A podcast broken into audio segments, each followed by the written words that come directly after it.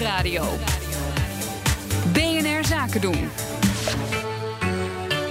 Ondernemersdesk. Een bedrijf, een bedrijf waarin elke werknemer zichzelf kan zijn, dat is een bedrijf dat floreert. En daarom iedere dinsdag de ondernemersdesk inclusiviteit. Vandaag jonge moeders en borstvoeding. Het voedingscentrum werkt aan een campagne om borstvoeding op het werk bespreekbaar te maken.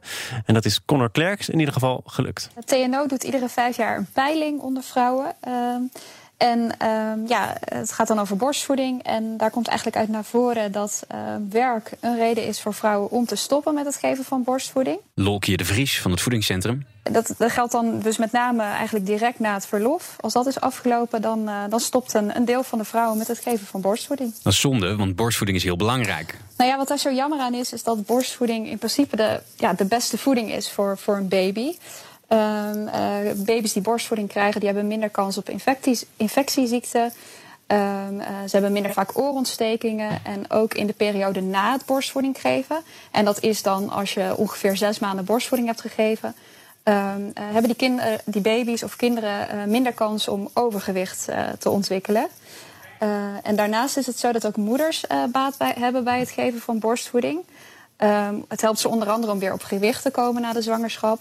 Uh, en daarnaast uh, hangt het waarschijnlijk ook samen met uh, ja, minder kans op bepaalde vormen van borstkanker.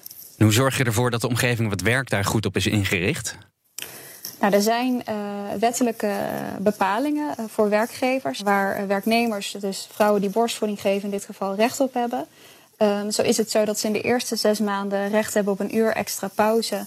Uh, en daarnaast uh, ja, is de werkgever verplicht om op het werk een ruimte te reserveren waar de vrouw uh, borstvoeding kan geven of kan kolven.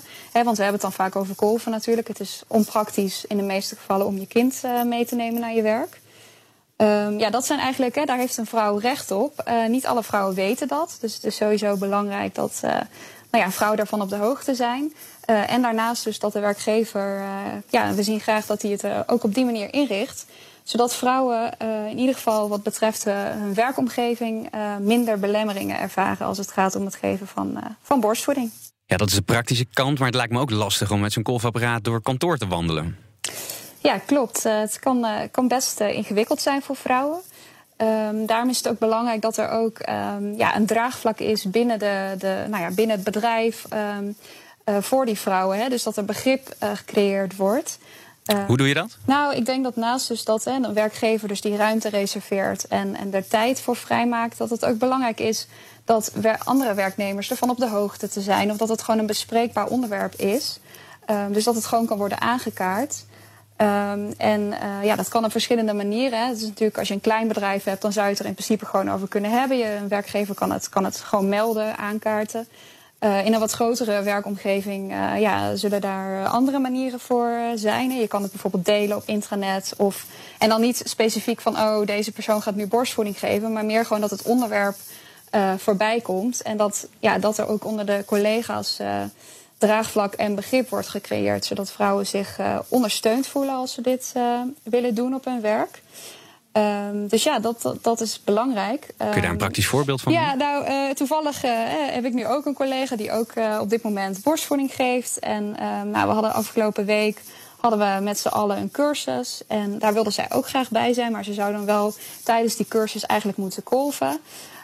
dus toen is eigenlijk gewoon ja, door de, door de ja, hoe zeg je dat? Door de directie, door de werkgever. Gewoon even een mailtje. De organisator is er gewoon even een mailtje rondgestuurd van: hé, hey, ja, uh, wat vinden jullie ervan? Vinden je het goed om een pauze in te lassen, zodat, uh, nou ja, zodat zij ook gewoon de mogelijkheid heeft om bij die cursus te zijn? En uh, ja, bij ons, iedereen reageerde daar ook positief op. Dus um, ja, op die manier maak je het gewoon een, een bespreekbaar onderwerp. Dus het hoeft niet ja, in een kamertje achteraf geregeld te worden en, en stiekem te gebeuren. Maar maak het gewoon bespreekbaar en zorg dat er positieve aandacht voor is. En precies om die reden start het voedingscentrum in oktober met een landelijke campagne. Connor Klerks in gesprek met Lokje de Vries van het voedingscentrum. Ondernemersdesk Inclusiviteit wordt mede mogelijk gemaakt door Verderkijkers. Een initiatief van het ministerie van Sociale Zaken en Werkgelegenheid.